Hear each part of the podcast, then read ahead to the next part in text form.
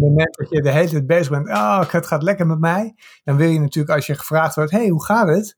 Dan zeg je, hey, toppie natuurlijk, toppie, gaat Ja. altijd goed. En, eh, dat is, en dat is nou juist een van de dingen die we, hè, waar we ook weten uit onderzoek, dat met name jonge mensen, die lijden onder wat je dan sociaal vergelijken noemt. Hè, dus je bent echt tijd aan het kijken van, oké, met mij gaat het eh, toppie, hoe gaat het met jou? Als het met jou dan nog beter gaat, dan gaat het bij mij alweer wat minder. En dat, en dat fenomeen, hè, dat sociaal vergelijken, ja, dat is de bron van heel veel eh, menselijk ongeluk natuurlijk.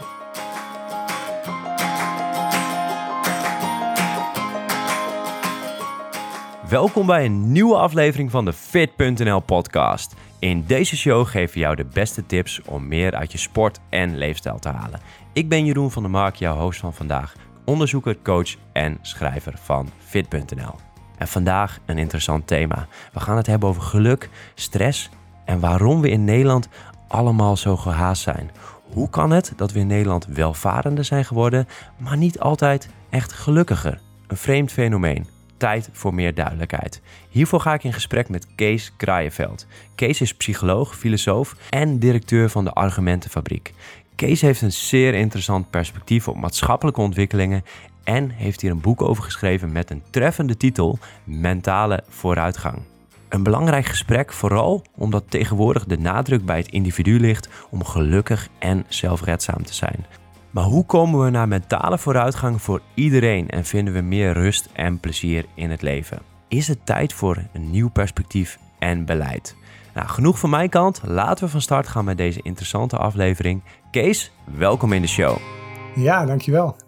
Ja, weer een boeiend thema. Ik heb hier echt heel veel zin in. Eh, want jij bent psycholoog, filosoof en je, je helpt mensen met logisch nadenken. En dat is belangrijk in, eh, in ons tijdperk. Eh, waar ik het allereerst even over wil gaan hebben, is dat we volgens mij in Nederland ongelukkiger zijn geworden.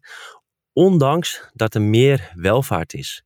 Oftewel, er is veel meer geld, maar toch lijkt het zo alsof we allemaal meer stress, druk en ongeluk ervaren. Zie jij dat ook? En zo ja, hoe komt dat? Ja, dat is een, eh, inderdaad een eh, onderwerp naar mijn hart. Dat zie ik zeker.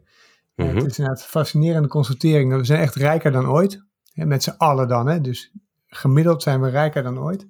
Mhm. En tegelijkertijd zie je, als, het, nou, als je naar onze mentale welzijn kijkt, dan zie je echt een heel dubbel beeld. Hè? Dus aan de ene kant, we zijn rijk, we zijn ook heel gelukkig. Tenminste, als je naar de gelukscijfers kijkt. Hè? Dus eh, eh, een leeuwendeel van de Nederlanders die geeft zichzelf echt een 7 of hoger als het om geluk gaat. Nou, als je dat internationaal vergelijkt, is dat heel hoog. Het gaat, dat gaat ook heel goed. Maar dan onderliggend zie je ook allerlei eh, minder vrolijkmakende trends. Hè, dan zie je bijvoorbeeld dat eh, eh, ieder jaar 1,3 miljoen mensen in Nederland eh, lijden aan, eh, aan burn-out klachten. En dan zie je dat er 2 miljoen Nederlanders jaarlijks medicijnen slikken voor depressie en eh, tegen, de, tegen angststoornissen en andere psychische problemen.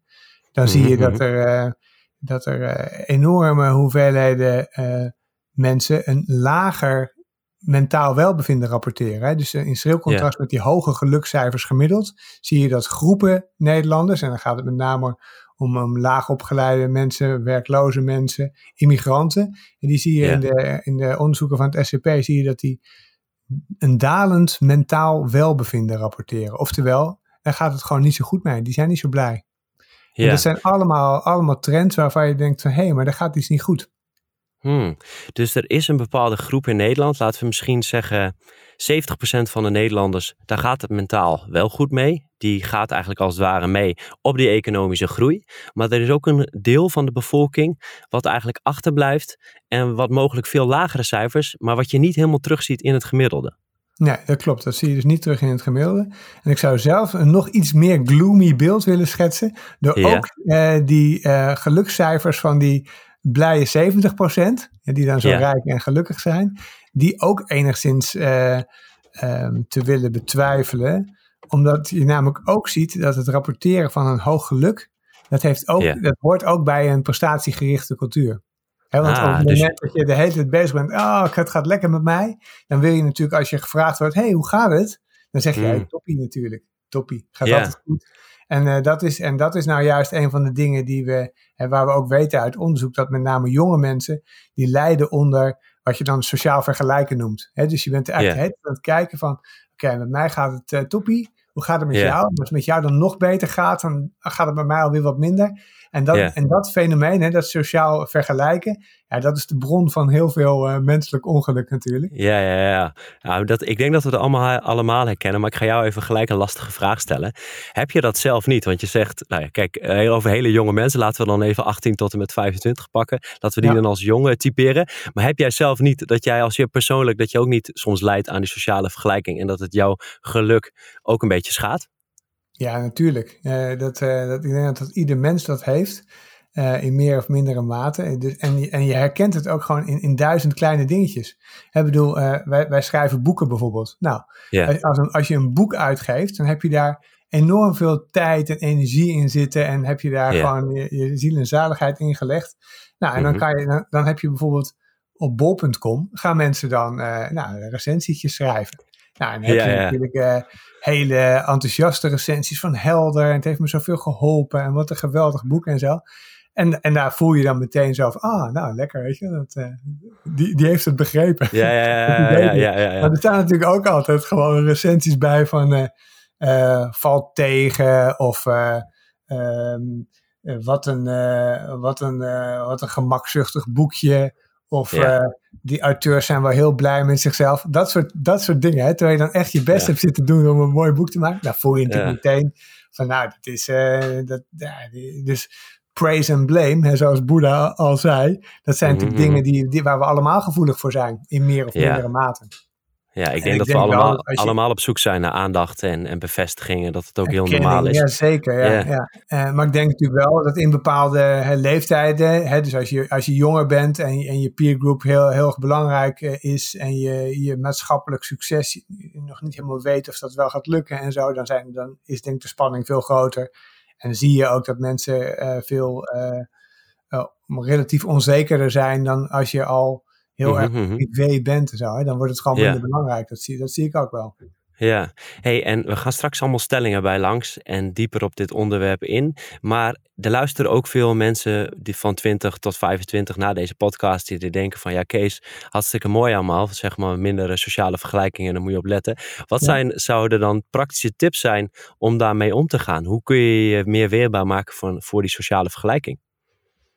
Nou, ik denk, uh, ik denk dat de basistip is uh, mm-hmm. dat je leert om wat je allemaal voor emoties ervaart. Uh, dat je die eerst bewust ervaart. En dat je dus voelt wat je voelt. Hè. Dus op het moment dat je een goede recensie leest, dat je, dat je die blijdschap ervaart, dat je dat bewust ervaart. Maar ook dat je als je een slechte recensie leest, dat je ook durft toe te geven dat je dat raakt. Hè. Niet dat je zegt, nou, het doet me niks, want dat doet je natuurlijk wel wat.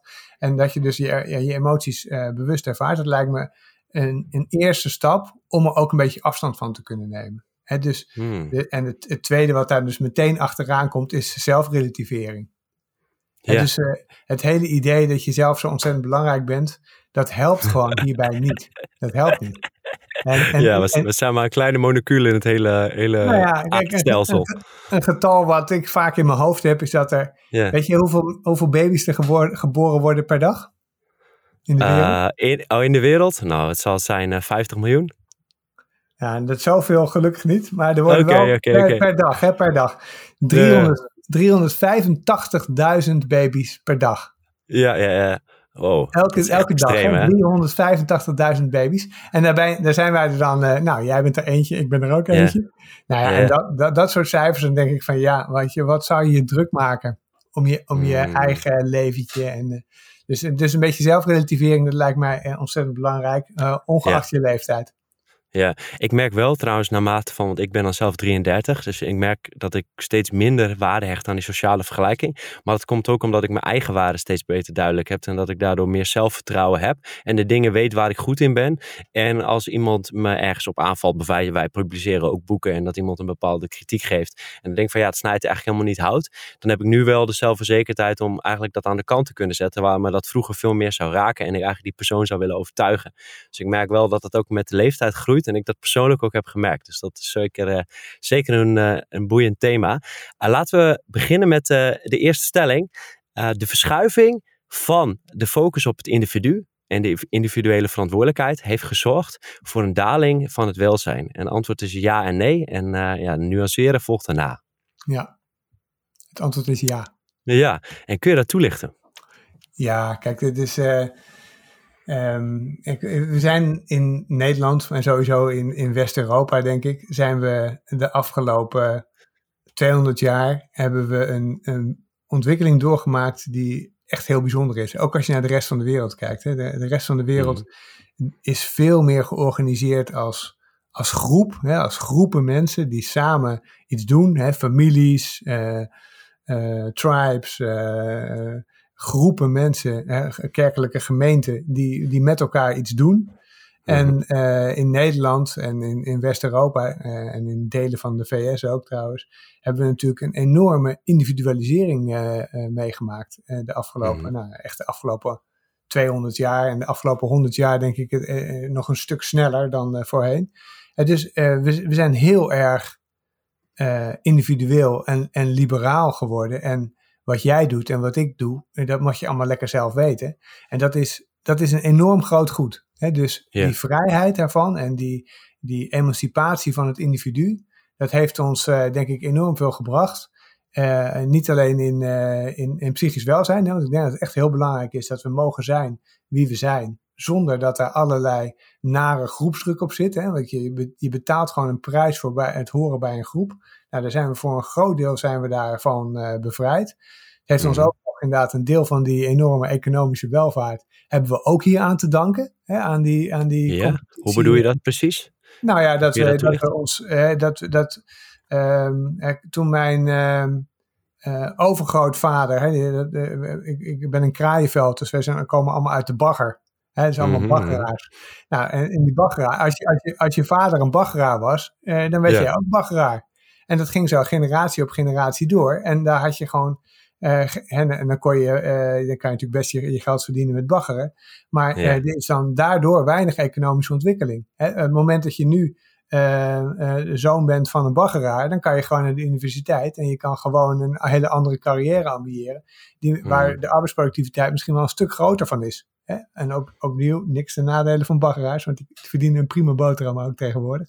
Maar dus, daardoor is er een enorme uh, uh, pluriformiteit in de economie ontstaan, concurrentie en enorme uh, economische bloei, zeg maar. En dat is yeah. mede ook door individualisering. je wordt dus niet tegengehouden door de groepsdruk. Je kan jezelf ontzettend ontwikkelen. En je ziet ook dat het, nou ja, de afgelopen 50 jaar is ons opleidingsniveau ook enorm toegenomen. Hè? Dus 50 ja. jaar geleden had 2, 3 procent van de Nederlanders een, een hogere opleiding. Nu is dat al 30, 40 procent. Hè? Dus ja. echt gewoon gigantisch. Uh, met veel hogere dat... salarissen tot uh, gevolg. Nou, dat zijn allemaal de goede kanten van de individualisering. Maar ja. dat heeft dus een. Die medaille heeft ook een andere kant. En dat ja. betekent dat je dus als individu ben je natuurlijk een geneigd om uh, al dat groepsgebeuren minder belangrijk te vinden. En ik mm denk dat we onszelf, dat we nu zo langzamerhand beginnen te ontdekken dat we onszelf daar ook weer mee tekort doen. Hè? Want we blijven natuurlijk, uh, mensen zijn kuddedieren. Hè? Dus we, yeah. we uh, in ons uh, mentaal welbevinden hebben we relaties met anderen heel erg nodig. Hè? Dat is een yeah. hele ehm, belangrijke bron van mentale kracht. Hè? Dus familie, maar ook vriendschap. En de kwaliteit daarvan, uh, die, die kan je dus verwaarlozen. Als je er niet op let, kan je denken van nou ja, het zal allemaal wel, het, het, allemaal, het spreekt vanzelf. En ik kies mijn eigen mensen wel, hè, die hele lichte mm -hmm. gemeenschappen die we tegenwoordig kennen. Terwijl ja. als je uh, dan een keer pech hebt, hè, of je hebt tegenslag, mm -hmm dan zijn die lichte gemeenschappen misschien ook wel minder iets om op terug te vallen. En dan hebben ja. mensen heel erg de neiging van, nou, het gaat even niet goed met Jeroen, de mazzel ja. Jeroen. En, uh, ja, ja, ja, ja, ja. Dus je, hebt, je hebt een warme, je hebt een warme schil nodig. Ja, waar, is, waar is dan die, die, sociale steun? En ik, die steunnetwerken, die hebben we dus mede door hè, dingen, en het zijn ook van die grote trends, hè, maar bijvoorbeeld die ontzuiling. Hè, vroeger zaten we allemaal gewoon netjes in een zeiltje. En je was of uh, van de socialisten, of als je bij, was bij de katholieken, of je was bij de protestanten. En als je daarbij hoorde, had je een soort vanzelfsprekende groep waar je bij hoorde. En nu mag je het helemaal zelf uitvinden. Bij welk groepje wil je horen? Zijn mensen ook enorm mee bezig? Weet je, wat is je identiteit dan? eh? Hmm. Ja, Eh, en, en, Maar mensen die- zoeken daar wel weer naar, naar ja, die nee, identiteit. dat, dat, is, dat zie je enorm. Hè? Dus identiteit is echt een enorm ding. Eh, Ja. dat is heel duidelijk. Of groepsbehoren. Ja. Wij hebben het zelf in de sportwereld. Als je kijkt naar CrossFit. Dat is, trekt heel erg aan. Omdat je dan weer bij een groepsidentiteit. En dat je dat kunt delen. Dus ik merk wel dat mensen daar weer naar op zoek zijn. En ik heb zelf sociologie gestudeerd. En daar had je een, een, een klassiek stuk van Putnam. Bowling alone. Dus dat eh, op een gegeven moment had je dat iedereen nou, bij wijze van bij bowlingclub zat. En, en lekker ging bowlen. En op een gegeven moment stond je in je eentje op de bowlingbaan. En dat zien we. Dat is een, een voorspel van de individualiserende samenleving. Maar Precies. wat ik me nou afvraag, hè, iedereen praat elkaar soms na en dan, Ja. dan heb ik het idee, klopt dat wel? Is het echt zo dat cijfermatig dat we te maken hebben met meer individuele eh, perceptie, dat, het, dat we veel meer aan het individualiseren zijn? Of is het de perceptie? Eh, nou ja, dus de vraag is dan gelijk van hoe meet je dat? Mhm. Eh, en daar, daar heb je ook weer, dat is een hele goede vraag hoor, want je, dan heb je ook weer verschillende beelden. Hè? Dus als je kijkt naar ehm, bijvoorbeeld ontkerkelijking, hè, dus natuurlijk een, vroeger een hele, tegenwoordig kunnen we dat bijna niet meer voorstellen, maar vroeger was dat de belangrijkste gemeenschap die je had, hè, dus Mhm. waar je, in, eh, waar je in leefde, de kerk. Nou, de ontkerkelijking is de afgelopen eh, 50 jaar echt heel snel gegaan. En inmiddels is al, hè, dat was eh, een rapport van begin dit jaar van het SCP, zo meer dan de helft van de Nederlanders hoort niet meer tot een kerkgemeenschap. Nou, dat is een voorbeeld. Daar staat tegenover dat we het verenigingsleven, dat gaat nog best Ja. wel aardig. Dus we hebben nog steeds in Nederland een bloeiend verenigingsleven. En sport, wat jij zegt, is, Ja. is echt een beetje de nieuwe kerk ook. Hè? Ja, ja, ja. Dat- is ja. echt maar het verenigingsleven is ook weer een statussymbool geworden van Ja. ik doe vrij, vrijwilligerswerk. Vooral Ja. onder jongeren. Maar goed, Zeker. ik denk, dat, eh, ik, denk dat, eh, ik denk dat dat wel een mooi voorbeeld is van geloof. Ik wil met jou naar de volgende stelling gaan. Social door. media is natuurlijk een, eh, een groot punt. Veel mensen gebruiken dat. Ook steeds meer mensen in mijn omgeving gebruiken dat steeds minder. En Ja. rapporteren ook meer welvaart. Of sorry, meer welfijn, welzijn. Maar misschien ook wel, wel meer welvaart. Ehm, stelling is, sociale media is de grootste drijfveer van ongeluk. Nou, het is in ieder In geval... dit eh, tijdperk. ja, ik, ik moet eerst, ik moet eerst, eerst moet ik zeggen, ik, eerst ga ik gewoon ja zeggen. Ja, ja, ja. eh, Ja, Oké. En, en, en en, waarom is je twijfel? Waarom is je twijfel? Nou, de, kijk, de grootste is natuurlijk een absoluut, dat is een beetje eh, extreem, hè, want eh, Mhm. ik, ik denk meteen aan Oekraïne. Nou, daar, daar, daar heb je ook bronnen van ongeluk die nou toch wel ietsje heftiger zijn dan Ja. die telefoon die je in je zak hebt. Dus nou ja, dus nee, het is niet de grootste bron van ongeluk, maar Ja. tegelijkertijd is het denk ik wel iets wat, nou ja, goed, jij zegt al, mensen beginnen zich dit heel erg te realiseren, maar de impact Mhm. die die smartphones hebben op ons leven, dat is wel echt gigantisch, toch? Dat is echt, eh, en het is een, eh, echt een soort sociaal experiment hè, voor jou als socioloog. Het is natuurlijk een so- sociaal experiment op wereldschaal, Mhm. waar, waar iedereen in meedoet, er ongevraagd, want je hebt eigenlijk niet echt keuze. hè. Iedereen doet mee en als je niet meedoet, lig je er ook echt een beetje uit. Hè? Dus de mensen die nu bewust zeggen, ik hoef niet meer, dat is, dat is wel echt een beslissing. Dat is wel echt een, eh, stoere beslissing, want ja, eh, ja je, het, je, je netwerk gaat natuurlijk gewoon door op de socials en eh, ja, daar, ben je- daar lig je dan allemaal uit. Nou, kan je Stop, op zich stop maar eens met. WhatsApp. Stop maar Ja. eens met WhatsApp. Stop maar eens met Instagram. Ook commercieel gezien. Je mist gewoon wat.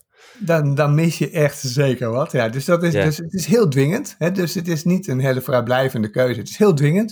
Het is wereldwijd. En het is ook eh, natuurlijk gedreven door eh supercommerciële krachten. En, en dat, dat maakt het allemaal wel een best wel. ehm, eh, nou, op zijn minst iets waar, je, waar we eigenlijk met elkaar nog eens een keer heel goed over na moeten denken. Over hoe willen we dit nu? En vinden we het Hmm. inderdaad wel een goed idee dat ons sociale leven zich voor een groot deel afspeelt op een netwerk van een of andere Amerikaanse ondernemer? Of, of moet dat anders? Weet je? Willen we niet dat dat, eh, dat, dat eh, meer een publieke sfeer wordt? Hè? Waarom moet dat allemaal in privéhanden zijn? Dat zijn allemaal van die vragen, eh, randvoorwaardelijk, Ja. die, die heel belangrijk zijn. maar wat misschien nog een belangrijker is, hoe blij word je er zelf nou van? Ja. En dat is, dat is ook een dubbel, dat is ook weer dubbel. Want aan de ene kant is het natuurlijk fantastisch hoe die smartphone de hele wereld bij je binnenbrengt. Mhm, Alle mhm. muziek die je maar zou kunnen willen horen, die is er. Alle boeken die je maar zou kunnen willen lezen, die zijn er. Nou, het is, dat is echt natuurlijk een fantastische rijkdom. Dat ervaar ik zelf persoonlijk ook echt zo. Hè? Dus uh, Spotify heeft mijn leven echt, uh, nou, niet, nou, maar wel procentpunten verbeterd, zou ik denken. Echt heel, erg, heel erg fijn. Ja. al die toegang tot die muziek. Maar ja, de andere kant is ook, ja, uh, dat zien we. dus inderdaad, zeker bij, bij jonge mensen, is dat sociaal vergelijken is echt een bron van, mm. van misère. Ja, je ziet ook uh, bij psychologisch onderzoek is dat, er, dat sommige mensen zijn er meer weerbaar voor. En het heeft ook met de kwetsbaarheid van je persoonlijkheid. Als jij in een periode zit waarbij je wat minder goed voelt, ga je ook meer sociale vergelijkingen en dan kan het juist meer negatief effect hebben. Dus ik denk dat het ook met de resilience en de kwetsbaarheid van jouw persoonlijkheid uh, te maken heeft in hoeverre je er last van hebt. Maar ik hoor al dat jij, uh, dat jij overheidsingrijp, dus jij zat vroeger bij de socialisten. of niet? In de communitygroep. Nee, goed, we gaan het zien. En dat vind ik trouwens wel even interessant, want we hebben dus te maken met een, een meer individualiserende samenleving. Ik heb het idee dat die wave, ik noem het altijd in waveform, dat die een beetje aan het afkappen is en dat er weer een tegenbeweging komt. Zie jij ook, omdat jij maatschap, de maatschappij ook bestudeert, dat er soort van wave-bewegingen zijn binnen de maatschappij en dat we nu ergens naar een ander tijdperk toe gaan? En zo ja, wat voor tijdperk gaat het worden? Ja, nee, dat, uh, dat zie ik zeker. En het is inderdaad een van de, de, we noemen het in ons boek, hè, de, de, de doorbraken. Hè. Dus je hebt, mm we, beschrijven een soort verschuiving van een soort materiële welvaartswereld naar een, wereld waar mentaal welzijn veel belangrijker wordt en mentale gezondheid veel belangrijker wordt. En dus je hebt dus die verschuiving van de aandacht puur op materiële vooruitgang naar meer mentale vooruitgang. Hè, en dan mentale in de brede zin van het woord. Hè, dus sociale kwaliteit, hoogwaardige motivatie, uh, daadkrachtig zijn zelf, uh, lekker in je vel zitten, positieve emoties ervaren. Dus de, in de brede zin mentale vooruitgang. dat, dat, dat is een van de, van de grote doorbraken die we, die we zien gebeuren. En die is ook echt al gaande, denk ik. En, de, en de, die andere die jij noemt is inderdaad van doorgeschoten individualisering naar nieuwe vormen van samen zijn. Waarin je dus uh, echt bezig bent, niet zozeer met, alleen maar met jezelf, maar waarin je bezig bent met elkaar. Hè? En, en, en dus met het bouwen van sociaal betekenisvolle gemeenschappen. Dat zie je ook, nou ja, dat, als, je, eh, als je hier een beetje naar wil kijken, dan zie je dat overal gebeuren. Mooi. Ja. En wat, wat zou een praktisch voorbeeld wat jij in je omgeving ziet, wat, wat verandering, waar je een verandering ziet? Nou, daar zijn, daar zijn er vele van te noemen, maar Hmm. Bijvoorbeeld uh, uit mijn, in mijn eigen omgeving, dat mensen hmm. gewoon heel bewust elkaar weer opzoeken om bijvoorbeeld samen, samen boeken te lezen. En je kan natuurlijk boeken lezen. Nou, dat is al hartstikke moeilijk om daar überhaupt tijd voor te, voor te maken. Ja. En, dus, en heel veel mensen zeggen ook, ja, het lukt me eigenlijk niet zo goed meer om een boek te lezen. Het duurt gewoon te lang, zeg maar. Nou, en wat ze dan dus doen, vind ik heel leuk is, nou ja, dan heb je hè, het idee van je accountability partner. Je zorgt gewoon dat je niet meer in je eentje een boek leest, waar je dus er niet doorheen komt. Maar je gaat gewoon met een groepje, hè, zes, zeven mensen, ga je, uh, spreek je gewoon af. Iedere maand, iedere keer een stukje lezen. Lees je een deeltje met elkaar, je, je praat erover met elkaar. En zo kom je wel door die boeken heen. En het is nog leuk ook. Hè? En je hebt een betekenisvol gesprek en je hebt een leuke avond. Nou, dat zijn van die, van die dingen die we denk ik uh, die ik zelf twintig jaar geleden toch wel wat aan de abollige kant zou hebben gevonden. Hè? Een beetje boekclubachtig. Maar, maar nu, is dat, nu is dat gewoon, ja, nu vinden ze het gewoon een leesavond. Hè?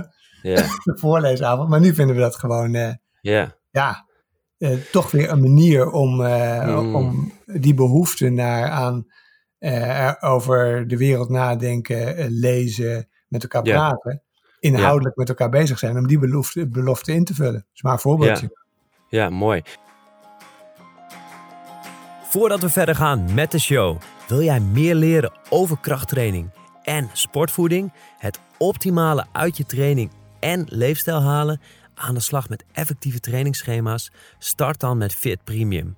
Ga naar fit.nl/slash start of check de show notes voor de link naar de Fit Premium ledenomgeving. Hierin leggen we je stap voor stap uit hoe je het maximale uit je training en voeding haalt. Met complete cursussen en schema's gebaseerd op de laatste wetenschappelijke inzichten. We gaan onder andere uitgebreid in op alles dat jij moet weten en je vindt de beste trainingsschema's met meer dan 100 opties voor zowel thuis als in de sportschool. Plus een uitgebreide community met advies van een team van professionals. Ben je benieuwd? Ga naar fit.nl/slash start en start vandaag nog. Of ga naar de show notes voor de link. Nu terug naar de aflevering. Over, als we het over boeken hebben. Want ik, ik vind dat een heel mooi, uh, een mooi voorbeeld wat je geeft. Ik denk dat het uh, fantastisch is dat die ontwikkeling daar zo is. Maar als we nou naar, weer naar boeken kijken. Wat ik de afgelopen twintig jaar ook heel erg heb gezien. En dan met name de afgelopen vijf jaar. Is dat er heel veel zelfontwikkelingboeken zijn. En die benadrukken hoe je gelukkig wordt. Uh, nou, jij hebt dan met collega's een boek geschreven. Mentale vooruitgang.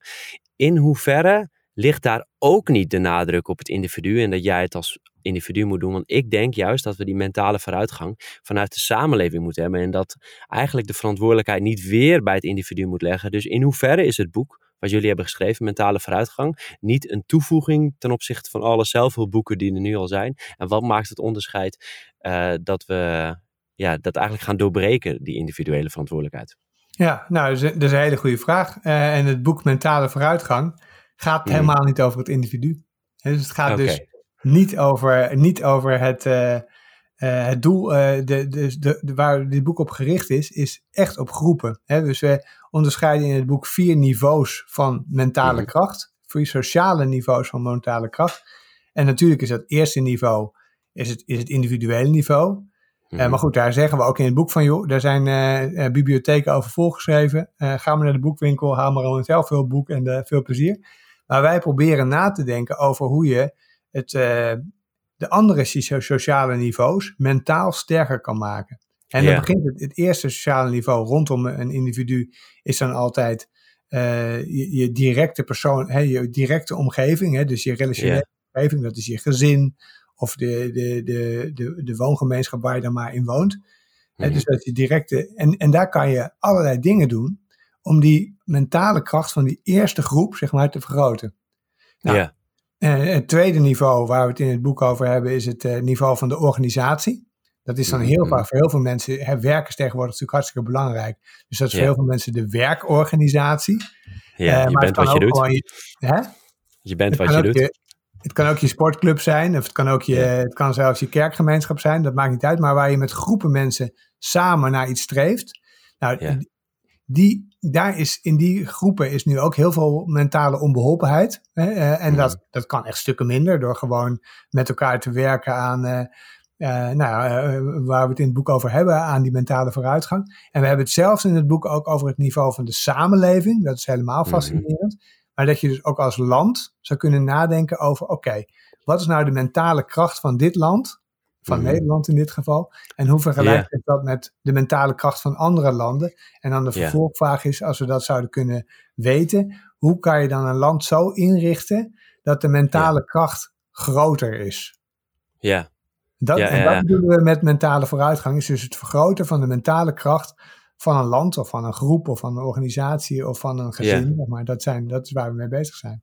Ja, misschien begint dat ook wel van top naar bottom. En ik heb soms het idee, als ik heb toen in de periode aan het begin van uh, Obama zat verandering in, er straalde energie uit. En er zijn volgens mij weinig, maar heel weinig beleidsmakers of politici die dat echt kunnen uitstralen. En als ik kijk nu weer naar de huidige kabinet, dan denk ik van, dat straalt ook niet echt uit van we gaan de boel veranderen, we gaan Nederland gelukkig maken, we gaan bij elkaar brengen. Het is meer van hoe modderen we verder met de economie en zorgen voor meer economische groei. Maar er is niet een verhaal van, hé hey jongens, we gaan meer elkaar bij elkaar brengen, we moeten meer naar elkaar omkijken. Ze zeggen het wel, maar ik heb niet het gevoel dat het gemeend wordt. En zie jij ook op, op politiek niveau stappen die we zouden kunnen zetten om uh, daar verandering in te brengen in punten die jij in je boek hebt beschreven? Ja, nou ik denk dat, uh, dat uh, dit boek eigenlijk gewoon een heel politiek programma is. Hè, maar, maar, niet, maar, maar echt vanuit alles wat we nu weten over hoe mensen in elkaar zitten. dus we, we, hebben het boek gemaakt met wetenschappers, met mhm. mensen uit de geestelijke gezondheidszorg, met de kennisinstituten zoals het SCP en Trimbos en mensen die echt verstand van zaken hebben. En we hebben gewoon nagedacht vanuit, dat mensen, vanuit die mensenkennis van hoe kan vooruitgang er nou uitzien. En ik denk dat je op basis daarvan echt uh, andersoortige beslissingen zou nemen over de inrichting van de samenleving. Hè? Dus we zeggen in het boek ook, mentale vooruitgang betekent andere doelen stellen hè, met elkaar. Dus je, je richt je op andere doelen. Het is niet alleen maar op inderdaad economische groei, hè, ook belangrijk. Mm. maar we richten ons ook gewoon op inderdaad het vergroten van, de, van het geluk van de bevolking. Hè? Eh, Bhutan, het, eh, het bruto nationaal geluk. Ja, ja, we richten ons ook op het verbeteren van de sociale kwaliteit. Nou, dat heeft gevolgen over hoe je wijken inricht. We, we, richten ons ook op het vergroten van de intrinsieke motivatie van mensen. Nou, dat heeft nogal wat consequenties voor het onderwijs. Nou, en zo heb je op ieder gebied, op ieder deelgebied, heb je dus uh, eigenlijk allerlei uh, andere doelen die je als samenleving zou moeten stellen. En ik ben helemaal met jou eens, dat zijn dus politieke beslissingen. En daar, daar, daar moet de politiek iets mee. En ik ben ook helemaal met je eens dat het huidige kabinet nou niet uitmunt in inspirerend leiderschap op dit gebied. Nee, nee. Niet bepaald. Eh, eh, en en dat, dat missen denk ik ook heel veel mensen. En een reden waarom ze ook gewoon die politiek niet meer zo bijster interessant vinden. Ja, plus dat je ook meer een klaagmaatschappij krijgt. Dat mensen meer gaan klagen en als er een soort van licht aan het einde van de tunnel is, dan ga je er ook meer voor. Dus ik geloof wel dat dat in deze periode een beetje mist. Maar wie weet uh, komt dat weer terug. Een andere laatste stelling die ik aan jou wil uh, voorleggen. Uh, bekend bij jou natuurlijk is de Maslow-pyramide. Eerst heb je je basisbehoeften, onderdak, gezond eten. En op een gegeven moment, als je steeds meer boven in die piramide komt, komt er ook zelfontwikkeling, jezelf ontdekken. Ga je naar andere behoeften toe. Kan het zijn dat we de afgelopen nou, 100 jaar door middel van industrialisering, economische groei, individualisering, we eigenlijk steeds meer bovenaan die piramide zijn gekomen. Ook wel die piramide al, lang is gedebunked, maar het is wel even een mooie uh, metafoor om te gebruiken. Ja. Dat we steeds boven, meer boven in die piramide zijn gekomen en dat we eigenlijk steeds meer in de grotten van onze ziel zijn, terecht zijn gekomen. En als gevolg daarvan eigenlijk veel dichter bij onze persoon zijn gekomen en eigenlijk tegen onze problemen aanlopen en dat we daardoor ongelukkig zijn omdat die al al die basisbehoeften vervuld zijn? Het antwoord is niet ja of nee, maar het is even doordenken. Ja, ik ben, daar ben ik mee bezig. Ik ben heel hard aan het nadenken. Nee, maar uh, kijk, uh, Maslow die is, hij de, is een van de grondleggers van de humanistische psychologie. Mhm. En wat jij nu aan het beschrijven bent, dat is voor een groot deel het punt wat hij maakt. He, dus die, ah. die, hele, die hele piramide, inderdaad. Hij heeft zelf ook trouwens nooit die piramide getekend. Hij, was, vond het ook maar betrekkelijk leuk dat zijn piramide, die hij zelf nooit getekend had, dat dat het enige is wat mensen nu nog van hem herinneren. Dat is natuurlijk ook maar. Dus Maslow was ook maar een mens, wou ik maar even zeggen. Vond hij niet zo leuk. Maar eh, waar hij dus wel helemaal mee bezig was, is precies met, met die vraag die jij eh, nu stelt: van ja, dan heb je zeg maar alles hè, in materiële zin. En ik zeg er gelijk bij, dat geldt echt niet voor iedereen, ook niet in Nederland. Mm. Maar voor de, het leeuwendeel van de Nederlanders dus wel. En dan heb je dus inderdaad vervolgens gewoon een nieuwe uitdaging. Hè? En dan is het de uitdaging, oké, eh, nou uh, leuk, we kunnen dus nu niet meer bezig met uh, de volgende auto of de volgende nieuwe keuken. Dat is niet meer mm. bevredigend. Dus, en, en dat is nou, als je dat je manier van in het leven staan is, is dat best wel ongemakkelijk. Hè? Dan krijgen mensen ook de midlife crisis en dat soort dingen.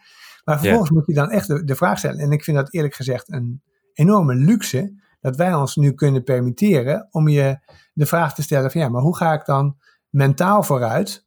En eh, ik zeg, hoe ga ik dan mentaal vooruit? Maar de, de, de lol van deze vraag is dat het antwoord mm. is dat je dat dus, uh, dat, dat het een beweging is van het ik naar het wij. He, dus je, dus je, je wil dan eigenlijk, de, wat ik al zei in het begin, jezelf een beetje relativeren en gewoon eens een keer een beetje aardig zijn voor andere mensen. En uh, jezelf niet te belangrijk maken en er voor andere mensen iets doen. En als je dat gaat doen, hè, dus als je er gewoon voor andere mensen iets leuks of betekenisvols of waardevols kan, uh, kan doen, dan gaat het ook, hè, dan, dan gaat het ook met jezelf beter. Hè. Dan word je ook, Dat is ook een hele belangrijke bron van mentale kracht. En ik denk in, in die, ehm, dat, wat ik zelf heel inspirerend vind aan mentale vooruitgang, is daar, daar ben je gewoon nooit meer klaar. Hè, dus op materieel gebied kan je inderdaad, hè, zoals Maslow ook schrijft, kan je, op een gegeven moment kan je die afvinken van nu zijn we klaar. Maar wanneer kan je nou afvinken van ja, de kwaliteit van mijn relaties, hè, van mijn vrienden en van mijn, uh, van mijn liefdesrelaties, relaties met mijn mm. kinderen. Nou, die kan ik afvinken, want dat is gewoon helemaal toppie. D dat is denk ik, uh, je kan er tevreden over zijn, maar er is altijd werk te doen.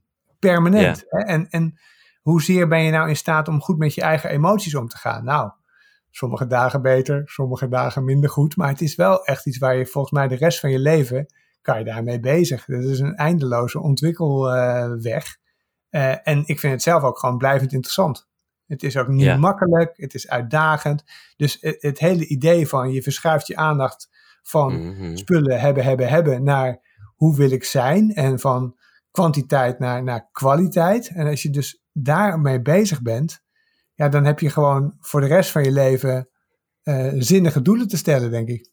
Ja, kunnen bezig blijven hoor ik al wel. Zeker eh, weten, als, ja. het over doelen, doelen, als we het over doelen hebben en naar geluk streven, uh, moet je eigenlijk wel naar uh, steeds naar die mentale vooruitgang en zelfverbetering en ook voor je persoonlijke relaties, uh, moet je eigenlijk wel naar verbetering uh, streven en ook naar geluk. Ik zelf zeg altijd niet dat het goed gaat. Ik zeg altijd als iemand aan mij vraagt hoe gaat het en ik, het gaat wel oké, dan zeg ik oh, stabiel. En als het niet zo goed gaat, dan zeg ik dat vooral als die persoon wat beter ken. Um, ja. ja. dus de vraag aan jou, moet je eigenlijk wel naar geluk streven en die constante zelfverbetering of is dat gewoon een natuurlijk proces? Uh, ja, dat is ook alweer een hele leuke vraag. En het zit hem ook een beetje in het woord mentale vooruitgang. He, dus er zijn mensen die eigenlijk, als ze dat woord horen, al meteen zoiets hebben van Jezus. Dan moeten we dus ook nog. Dat is vermoeiend. Uh, ja, we worden al moe bij, bij het horen van het woord. Hè? Dus, ja. uh, terwijl ik denk eerlijk gezegd dat wat jij net zegt van, joh, ik vind het zelf eigenlijk niet zo heel belangrijk. En ik zeg gewoon, ja, het gaat wel. Of dat streven naar optimaliseren dat, dat, is, dat is eigenlijk iets waar ik niet gelukkig van word. En daar, ook daar is gewoon uh, een wetenschappelijk bewijs voor dat als je optimaliseert, dat dat mm. natuurlijk een recept is voor teleurstelling. Want ja, het kan altijd mm, beter. Het is nooit goed genoeg. ga, je, ga je je doel dus niet halen, dus dat is niet zo slim. Je kan beter inderdaad uh, een satisfier zijn, oftewel genoeg is genoeg. Dat is een, een betere strategie. Maar dan denk ik nog steeds, uh, dus ons idee van mentale vooruitgang is ook niet per se gericht op optimaliseren, is meer gericht op acceptatie, uh, op een goede manier leren omgaan met uh, je levenslot en met alle dingen die je, die je te verduren krijgt. Hè? Want dat hoort ook gewoon bij het leven, dat je gewoon pech hebt, dat je pijn hebt, dat je, dat je allerlei dingen verliest. Uh, en dat je gewoon uiteindelijk natuurlijk gewoon doodgaat, net als uh, al die anderen. Uh, dat, dat, hoor, dat hoor, daar heb je allemaal mee te dealen. En, uh, en, en, daar kan je dus in meer of, en daar kan je in meer of mindere mate goed in slagen. En, en wat we met mentale vooruitgang willen, is een samenleving creëren waarin mensen dit dus zo, zo goed mogelijk doen. Hè, met zo min mogelijk onnodige uh, beperkende overtuigingen, uh, vooroordelen, allerlei ideeën die in de weg zitten, waardoor je eigenlijk gewoon niet um, uh, op de best mogelijke manier met dit soort, nou ja, met, met gewoon het leven om kan gaan. Dat, dat is waar we, waar we heel erg mee bezig zijn. Ja, je wil eigenlijk gewoon niet te veel in het water struggelen, maar dat je er gewoon een beetje doorheen zwemt en dat het allemaal wat subtieler gaat in het leven. Dat is wel wat je heel veel mensen gunt, maar natuurlijk is dat lang niet voor iedereen gegund en is dat ook op een schaal. Uh, we hebben niet allemaal het geluk. Sommige mensen zijn iets meer een pechvogel, maar misschien kunnen we die wat meer pechvogels wat meer draaglijk maken door de maatschappij wat anders in te richten. Over de ma ma maatschappij gesproken en het verharden daarvan. Um, ik kwam een leuke anekdote tegen dat jij wat verhardde in je studietijd en wat cynisch werd. En ik wil het later over dat Nederland verhard en misschien wat meer cynisch uh, wordt hebben. Maar kun je daar wat meer over vertellen over jouw studietijd? En dat je ineens allemaal kritische vragen ging stellen omdat je ergens tegen een bepaald systeem opliep. Ja, nee, zeker. Nou, toen was ik echt nog heel jong. Hè. Ik, was, ik was 17, toen werd ik ingelood voor de studie geneeskunde. En eh, dat mhm. wilde ik gewoon gaan doen, want ik wilde ook gewoon mensen beter maken. En ik wilde eigenlijk mhm. graag naar de tropen, tropenarts worden. En nou, dat was mijn ideaal. Ja. En toen ging die, en ik had ook een heel hoog ehm, eh, ideaal, ehm, of een heel eh, hoog verwachtingspatroon voor die studie zelf. Ik dacht echt van Mhm. nou, je gaat met een klein groepje mensen heel hard werken en fantastisch je verdiepen in de geneeskunde en dan ga je mensen beter maken, levens redden. En dat was mijn idee. Maar goed, dan kom je daar. En eh, dan zit je in een, in een enorme zaal met eh 200 andere mensen, een beetje te suffen. En als je een Ja. vraag stelt, dan was het van nou meneer, eh, leert u dat nou maar uit uw hoofd. En ik vond het gewoon, het was een totaal eh, eh, teleurstellende omgeving voor mij, hè, omdat mijn verwachtingen waren veel te hoog. Ja. En daar werd ik dus heel somber van. Echt heel somber. En Ja. daardoor, die somberheid, dat had ik toen denk ik echt slechter door dan ik het nu zou doorhebben. Maar dat Mhm. ging ik dus, wa- wat jij beschrijft, die verharding. Ik ging dat gewoon afreageren op andere mensen. Ja. Door inderdaad op feestjes, hè, waar dan ook allemaal andere idealistische jonge dokters waren.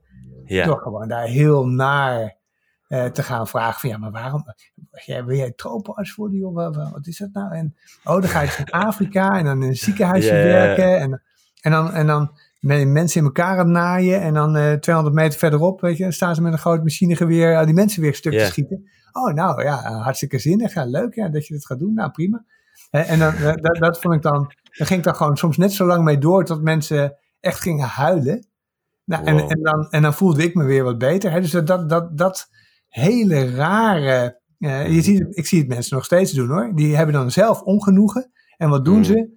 Eh, nou, gewoon dat uitsproeien over allerlei andere mensen om er maar vanaf te zijn. Nou, dat, vind ik dus heel, dat vind ik dus mentaal onbeholpen. En mentale vooruitgang vind ik dus dat je dus dat, dus dat niveau ontstijgt. Dat Ja. je realiseert van nou oké Kees, het gaat niet zo lekker Ja. met je. Eh, hou Ja. het even fijn bij jezelf of praat er op een normale manier over. En ga, het niet, ga het niet op andere mensen afreageren. Want dat was ik toen echt aan het doen. Ja, maar dat alleen al herkennen is al een uitdaging. Dat, je dat bij jezelf, dat je dat doet.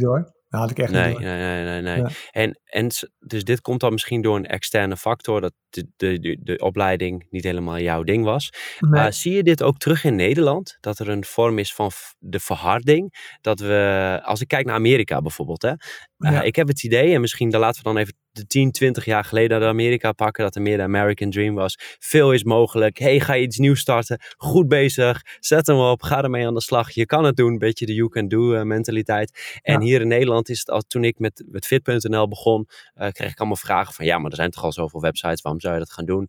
En Ja. al, er waren heel veel mensen heel kritisch. En op zich helemaal prima, maar nu zijn we toch, we hebben weer hele mooie stappen gemaakt met ons team, dus dat is heel fantastisch. Dus ik dacht, Ja. nou, ik luister niet te veel naar, ik ga gewoon mijn eigen ding doen. Maar ik merk die verhardheid, die, dat cynische al wel. Heb je het idee dat dit in Nederland nog meer is geworden? En zie je dat bijvoorbeeld met contrast met Amerika ook, uh, de Amerika 20 jaar geleden, uh, dat daar toch wat positiever is? Ja, nou, ik, ik ben over Amerika en uh, nou, Amerika van 20 jaar geleden. ik denk ja, dat jij beschrijft, want je beschrijft dat het meer het Amerika van, van de jaren 50 is, zeg maar. Hè? Ja, ja, ja. En, uh, dat het ja, Amerika, jaren 90 misschien? Ja, nou, dat is een tijd lang best wel heel goed gegaan, maar ik, Mhm. ik vind nu Amerika meer een soort uh, schrikbeeld, eerlijk gezegd. Ja, Dus, dat, eh, snap ik, dat snap ik heel goed. Maar, qua- maar qua- laat het even hebben over... Ja, laten we het even hebben over de periode dat, Ja. waar, waar, je, waar veel bedrijvigheid was, jaren 80, 90. Ja, En, gewoon eh, ondernemerschap en ja, ja, ja zeker. ja. Dat, dat, was, dat is nou, dat vind ik. Is, en, en dat is trouwens nog steeds, bestaat dat in Amerika natuurlijk. Hè? Dus uh, we Mm. zien natuurlijk alleen maar de extreme. En ondertussen zijn er natuurlijk, is er uh, ontzettend veel mooi ondernemerschap in de VS. En is het sowieso een fantastisch mooi land. Maar mm, het is, uh, wat, wat ik er opvallend aan vind, is aan, aan, die vergelijking tussen de VS en, en Nederland. Ik Mm. denk dat wij heel erg aan het copy-pasten zijn. Hè? Dus we heel erg aan het nadoen zijn wat ze in Amerika doen. En heel veel van die, van die um, prestatiedruk die wij onszelf nu opleggen, dat is toch ook wel echt heel Amerikaans. Hè? Dus ik denk, dus, Ja. dus, dus de, het, de goede kant van je best doen, uh, alles eruit halen, uh, de beste Mhm. versie van jezelf zijn, hè? Dat, dat soort idealen, hè? Waar, een hele, Ja. waar iets heel goeds in zit, daar ben ik helemaal met je eens. ja. Um, dat, dat is bij hun ook een beetje doorgeschoten. En um, er heeft, twee jaar geleden heeft een, uh, een, een econoom, Daniel Markovic, daar een heel mooi boek over geschreven, over de meritocracy trap. Hè, dus de, de val van de meritocratie. Oftewel het idee van als je het maar je best doet, dan red je het wel en zo. En Mm. eh, dat, het, het, het, het- de valkuil van de Amerikaanse droom, hè, waar jij het net over hebt, dat, dat beschrijft hij heel erg mooi. eh, door te laten zien dat ten eerste die sociale mobiliteit natuurlijk in, in de VS gewoon weg is. Hè, dus Ja. dat, dat hele idee van je kan als een dubbeltje kan je een kwartje worden. Nou, Ja. dat, dat, dat is, werkt gewoon niet meer echt eh, lekker. hè. De sociale mo- mobiliteit is gewoon eh, gestopt daar. Ja. En het tweede wat hij beschrijft, vond ik ook heel mooi, is dat dat dus leidt tot eh, verharding en jaloezie Mm. aan de onderkant Ja. eh, van de samenleving. Want je weet, ja, ik kom er niet meer. Oftewel, de system is rigged, hè, zeggen ze dan. Het Ja. systeem is gewoon, het is gewoon doorgestoken kaart. En het lijkt allemaal wel alsof we hier in de land of opportunities eh, leven. Maar het is gewoon niet waar. Hè. Dat voelen mensen heel sterk. En aan de andere kant, dat is ook heel fascinerend, heb je dus al die kinderen die op die Ivy League colleges zitten. Hè, Princeton, Harvard, eh, Stanford, op al die dure universiteiten. Ja. Daar gaat het dus ook niet goed mee. Hè, die Oh, dat is zijn, wel interessant. Ja, die, dus die, nou, omdat die dus, die zitten zeg maar bovenaan die sociale ladder. En Ja. die kijken dus naar beneden en die denken, oh my god. Eh, als ik naar beneden keil, dan, dan lig ik gewoon ook in de Ah. goot, net als al die anderen. Dus de sociale angst is heel groot. En de prestatiedruk op die kinderen, die vanaf, echt vanaf de crash al, moeten die al presteren om in de juiste, iedere keer in Ja. die grote sorteermachine in het juiste vakje te komen. Hè. Dus de juiste Mhm. crash, gaat het echt hè? Ju- de juiste crash, de, de juiste lagere school, de juiste high school, tot en met de, de juiste de, ja, privé eh, eh, universiteit. Ja. dat, dat hele traject is, is, eh, leidt tot je hebt de Ivy League colleges, daar, daar loopt ook gewoon een kwart met zelf, zelfmoordgedachten rond. Nou, dat, zijn, Wow. dat zijn natuurlijk statistieken waar je helemaal eng van wordt. En dat is de elite van de elite. Hè? Dus, eh, eh, maar daar gaat het dus ook niet mee, eh, niet goed mee. En, en, Wow. en het feit dat we dat dus een beetje aan het kopiëren zijn in Nederland, hè, met ook al die vroegselectie op school, de decentrale selectie op de universiteiten. Dus zijn we heel erg een beetje Amerikaatje aan het spelen. En met alle gevolgen van dien. En ik vind het dus ook mooi om te zien dat daar nu ook echt discussie over is. Hè? Over het aanjagen Mm. van de prestatiedruk op school. Nou ja, laatst nog de VU, hè, dat ze dan eh, bij, eh, daar eh, de cum laude proberen af te schaffen. Om, omdat ja, het hele idee dat je natuurlijk dat iedereen cum laude moet zijn. Ja, dat is natuurlijk per definitie onmogelijk. Hè? Cum laude, dat is voor de, voor, voor de paar mensen die het het beste hebben gedaan. Maar goed, als iedereen cum laude wil, ja, dat, dat is natuurlijk een recept voor, voor ellende. En voor, voor, en voor prestatiedruk die, die je nooit en te nimmer kan bevredigen en die ook nergens toe leidt. Dus, Ja. het is, dus, dus ook daar weer is het die, ehm, de inrichting van de samenleving. Hè? En ik, ik, ik, ik ben met je eens dat het ondernemerschap van de, in de VS is mooi. En daar Ja. zouden we in Nederland, eh, daar, er zijn elementen va- daarvan die we kunnen overnemen. Maar Mhm. verder, eh, als je kijkt naar de mentale kwaliteit van de Amerikaanse samenleving, eh, Ja. dan zou ik. Die is nog eh, veel slechter dan eh, vind ik het eerder een schrikbeeld, inderdaad. Ja. Ja, precies. Ja, of dat dan echt aan Amerika ligt. Ik denk dat het ook misschien aan een, aan een vorm van efficiëntie, ehm, neoliberalisme, nou dat bekende paraplu-term. Maar het, kan, het heeft natuurlijk niet per se met Amerika, maar meer met een denkwijze. Maar ik hoop Ja, dat we niet te veel die kant op gaan. Ja, je- Ja. en dat- we een andere denkwijze. Ik heb het idee dat, eh, dat die wave-beweging, waar we het al eerder over hebben, dat daar nu wel een correctie eh, op zit. We hadden eh, over het verharden van Nederland, hè, want dat hadden we nog niet helemaal beantwoord Nee. is Nederland nou echt aan het verharden? Kijk, als ik hier in, ik zit nu in Mexico, ik neem dit op in Mexico. En ik, ik heb geteld hoe vaak mensen elkaar in het, in het, ehm, in het verkeer uitschelden. Ja. Nou, ik ben zelf één keer dat iemand een middelvinger naar mij opgestoken in het verkeer. En voor de rest is dat in zeven, zes of zeven maanden maar één keer gebeurd. En in Nederland is er veel meer van die agressie, gebeurt er veel meer. Ik heb het idee dat mensen hier veel meer compassie naar elkaar hebben, empathie, eh, wat minder eh, van A naar B hoeven te reizen. Ehm, heb jij het idee, omdat je dit als psycholoog ziet, maar ook in de Ja. afgelopen jaren, de cijfers misschien, is er Ja. sprake van verharding en kunnen we dat ook nog keren? Eh, ja, nou, er is dus zeker sp- eh, sprake van verwarring, hè, eh, van ver- verharding, hè, verwarring Ja. trouwens ook. Maar ehm, eh, en dat, dat blijkt dus ook uit de cijfers. Het SCP heeft een heel mooi langlopend onderzoek eh, Mhm. naar burgerperspectieven heet dat.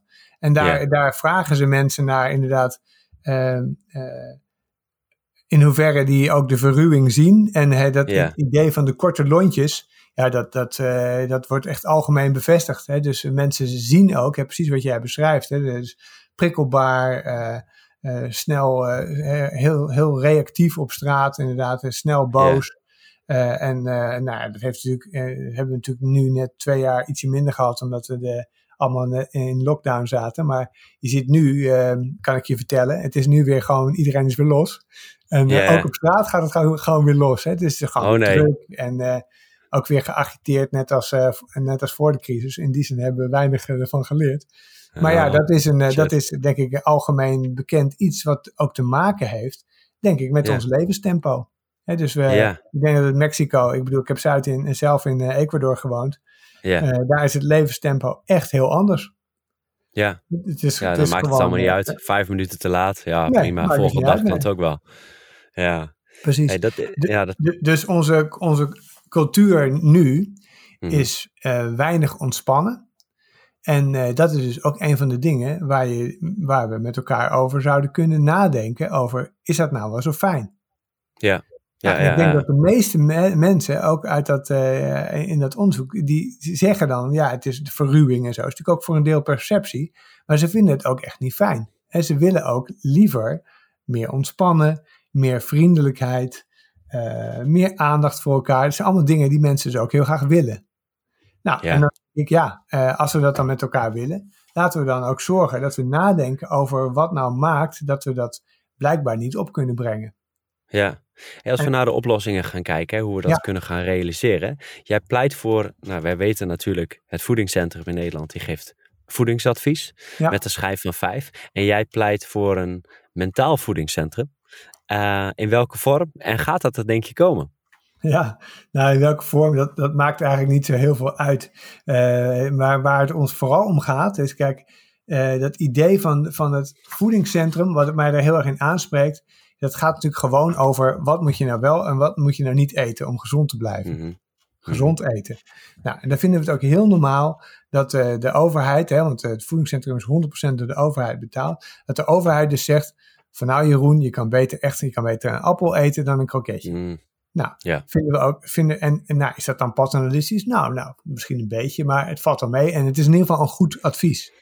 En als je dan kijkt naar op mentaal gebied, hè, dus het gaat over fysieke gezondheid, maar als het gaat over mentale gezondheid, daar, daar ontbreekt een uh, gezaghebbend instituut wat kan zeggen, waar, waar wij ook naar luisteren. Van mhm. eh, oké, uh, wat kan ik nou beter doen? Kan ik misschien beter een wandeling met een vriend maken s'avonds? Of kan ik beter twee uur lang op Insta zitten? Wat zou beter zijn voor mijn mentaal welzijn? Nou, daar kan je denk ik best, uh, ik, ik, heb het nu niet onderzocht, maar kan, je kan je zo maar voorstellen dat het een beter is dan het ander.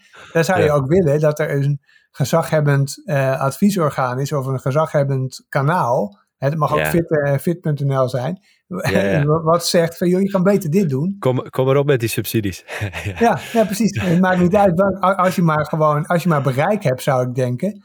Uh, en als je het maar lang volhoudt. Hè, want dat vind ik er ook belangrijk aan. Er zijn er is onwijs veel informatie hierover. Hè? Ja. Uh, ook wetenschappelijk. Van de afgelopen twintig jaar in de positieve psychologie hebben we heel mm. veel geleerd over wat mensen mentaal doet floreren. Weten we heel veel van. En die informatie, die wordt maar heel weinig met uh, het brede publiek gedeeld. Ja, en dat was het mm. idee van dat mentaal voedingscentrum. Dat er, dat er brede maatschappelijke campagnes uh, worden gehouden over wat nou mentaal wel helpend en gezond en versterkend is en wat mentaal slecht voor je is. Nou, en daar, daar weten we gewoon heel veel van. En die kennis die, die wordt onvoldoende verspreid. Dus daarom zouden wij, willen we heel graag dat dat beter gebeurt. Dat we er gewoon meer tijd voor maken. Tijd voor een petitie. Supergoeie. Eigenlijk, ja, nou ja, er is toevallig laatst een petitie, die uh, heb ik zelf nog ondertekend. En dat ging over een specifiek onderdeel hiervan, namelijk sociaal-emotioneel leren op school. Ah. dus je hebt, je hebt het kinderrechtenverdrag, hè, dat hebben wij ook al eh, ondertekend als Nederland. En daar staat mm. ook in dat je als overheid uh, je verantwoordelijk voelt voor de brede ontwikkeling van kinderen. Nou, en als je dan mm-hmm. naar ons schoolsysteem kijkt, dat is toch heel erg gericht op uh, rekenen, taal, schrijven. Hè, dus gewoon cognitieve vaardigheden, dat is het, dat is het belangrijkst. En er staat wel iets, kleine, je hebt wel een paar kleine doeletjes op sociaal-emotionele ontwikkeling. En mm-hmm. er zijn wel talloze programma's die dat hier en daar een beetje proberen te doen. Maar het is heel erg afhankelijk van de school, heel erg afhankelijk van een enthousiaste leerkracht die dat dan wil doen. En het is dus niet structureel ingevoerd, terwijl er andere landen zijn, nou, Australië, Nieuw-Zeeland, waar, waar echt in het lager onderwijs als structureel um, geïnvesteerd wordt in sociaal-emotionele ontwikkeling van kinderen.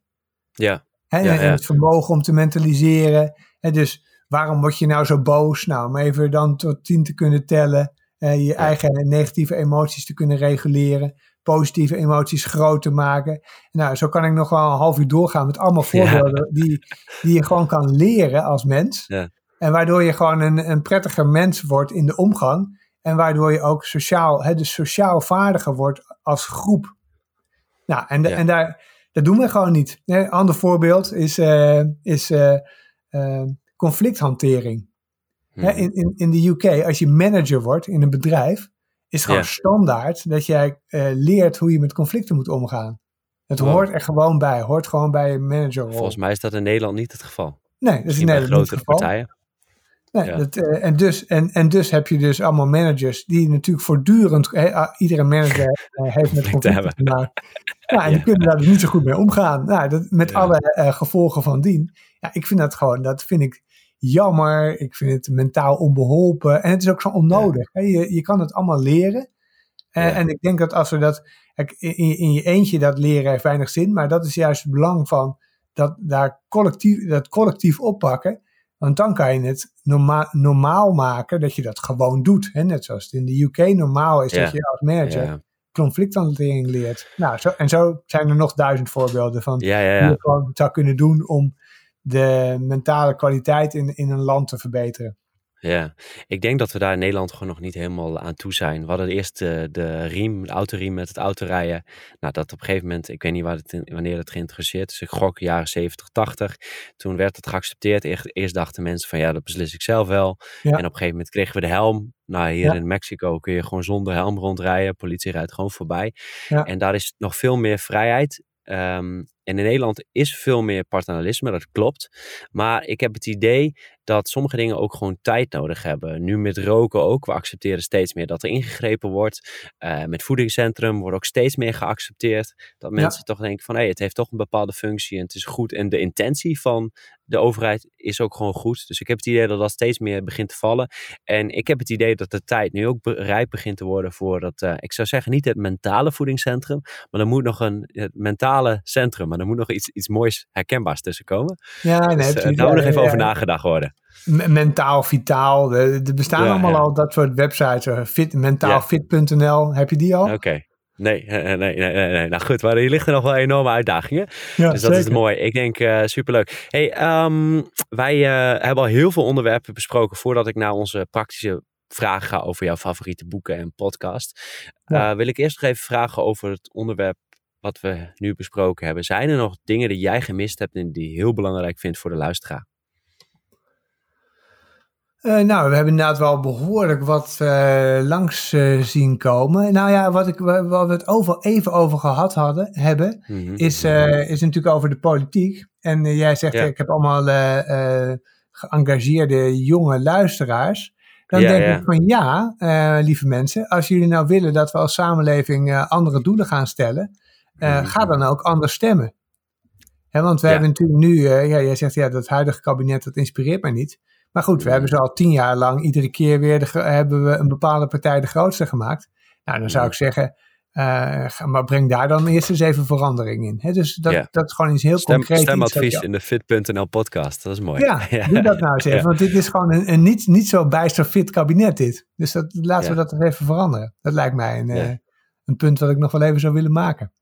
Ja, en welke partij geeft de meeste aandacht voor mentale gezondheid? Nou, ik vind uh, dat is ook een hele pijnlijke uh, vraag, want uh, ik vind dat het overal vrij beroerd is.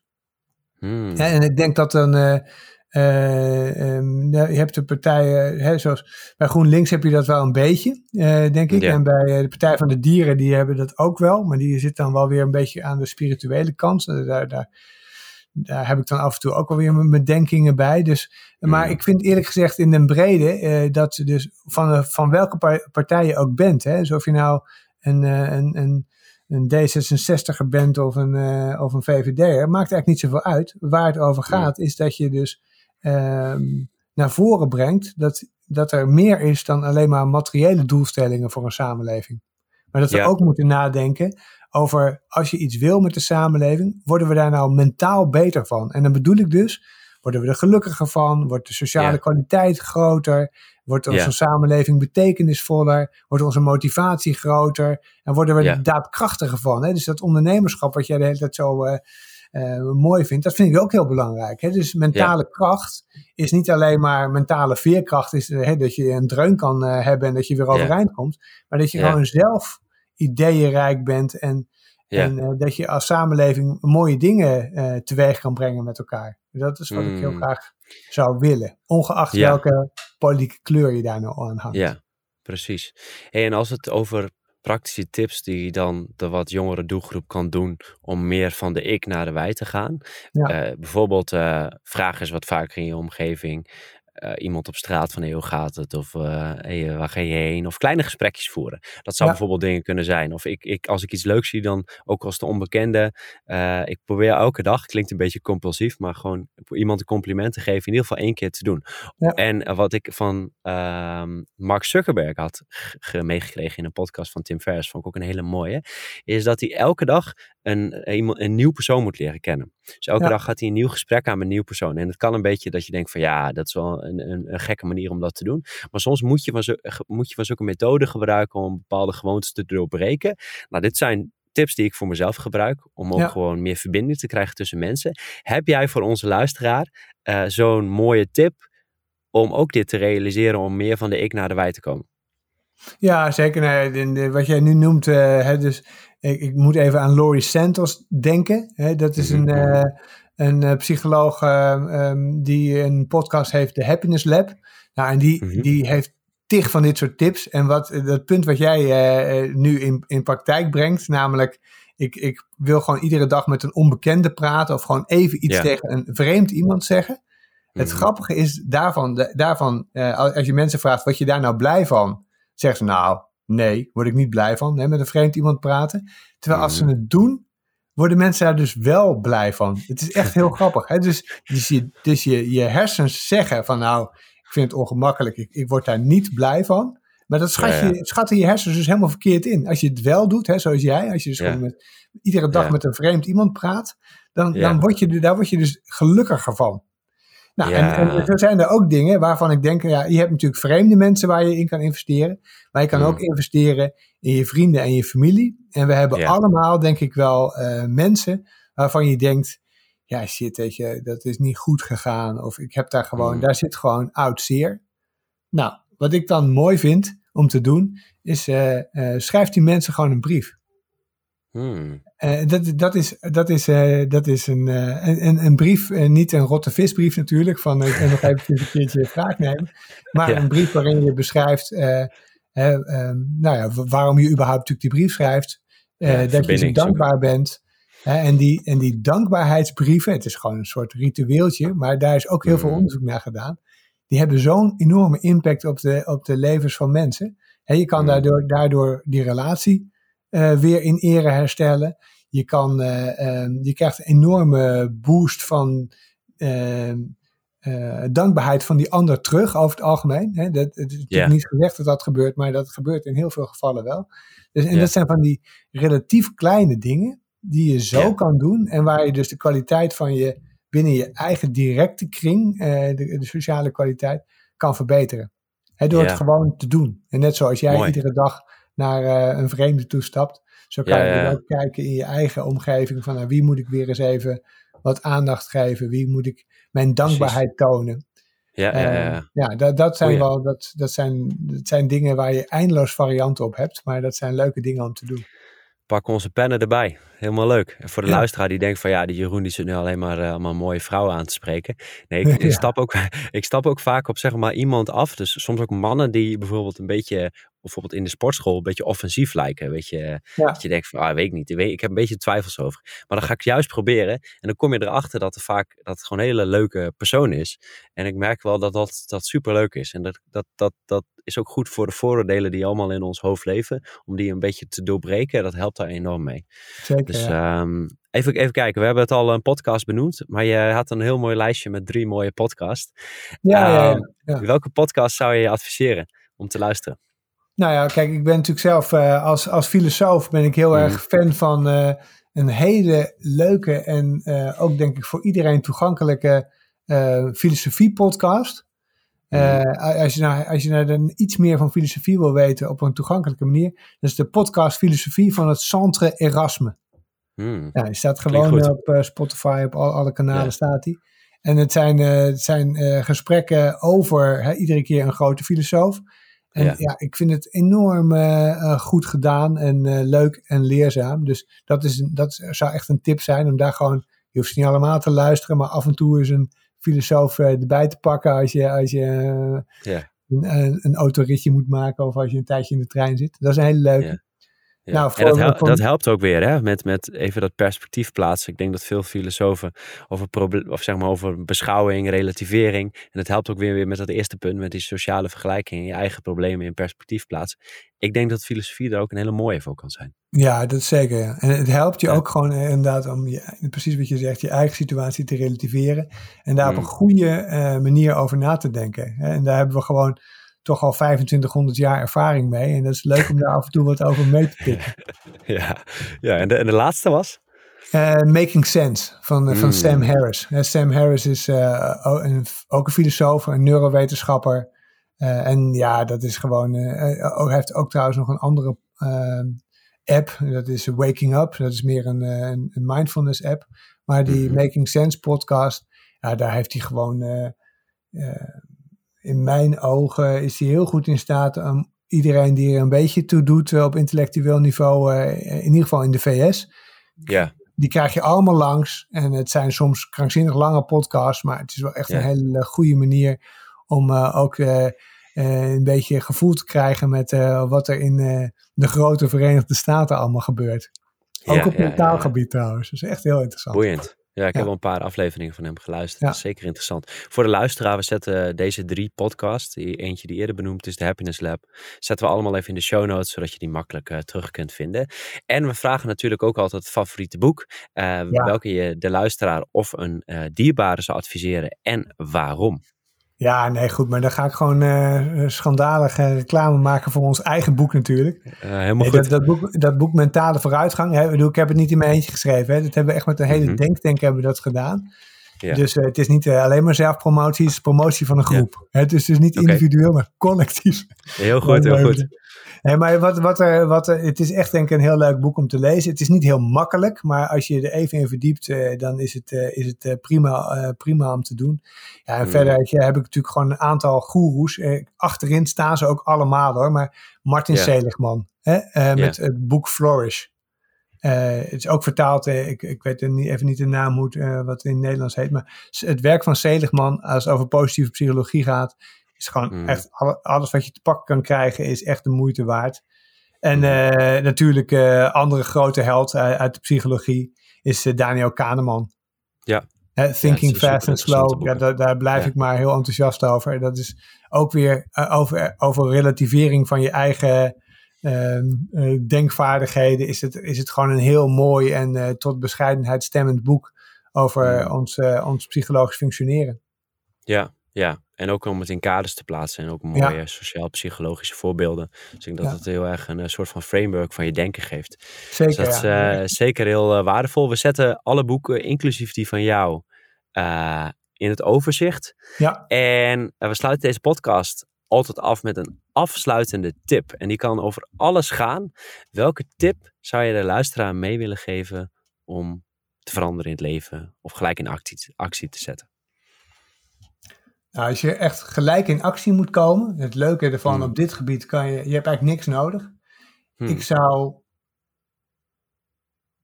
echt gaan proberen te leren om jezelf wat te, relativeren. Uh, Door uh, iedere dag eh, 10 minuten te mediteren.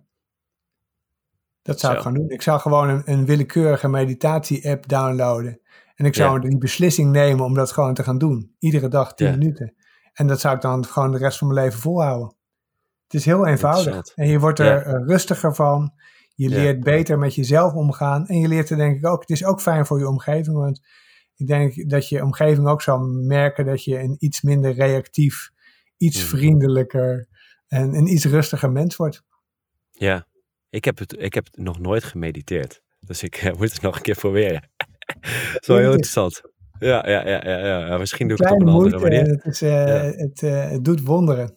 Ja, en heb je daar per se een app voor nodig? Of kun je ook gewoon lekker op het strand gaan zitten en gewoon nee, moment zijn? Geen, je, hebt, je hebt denk ik geen app nodig, maar... Hmm.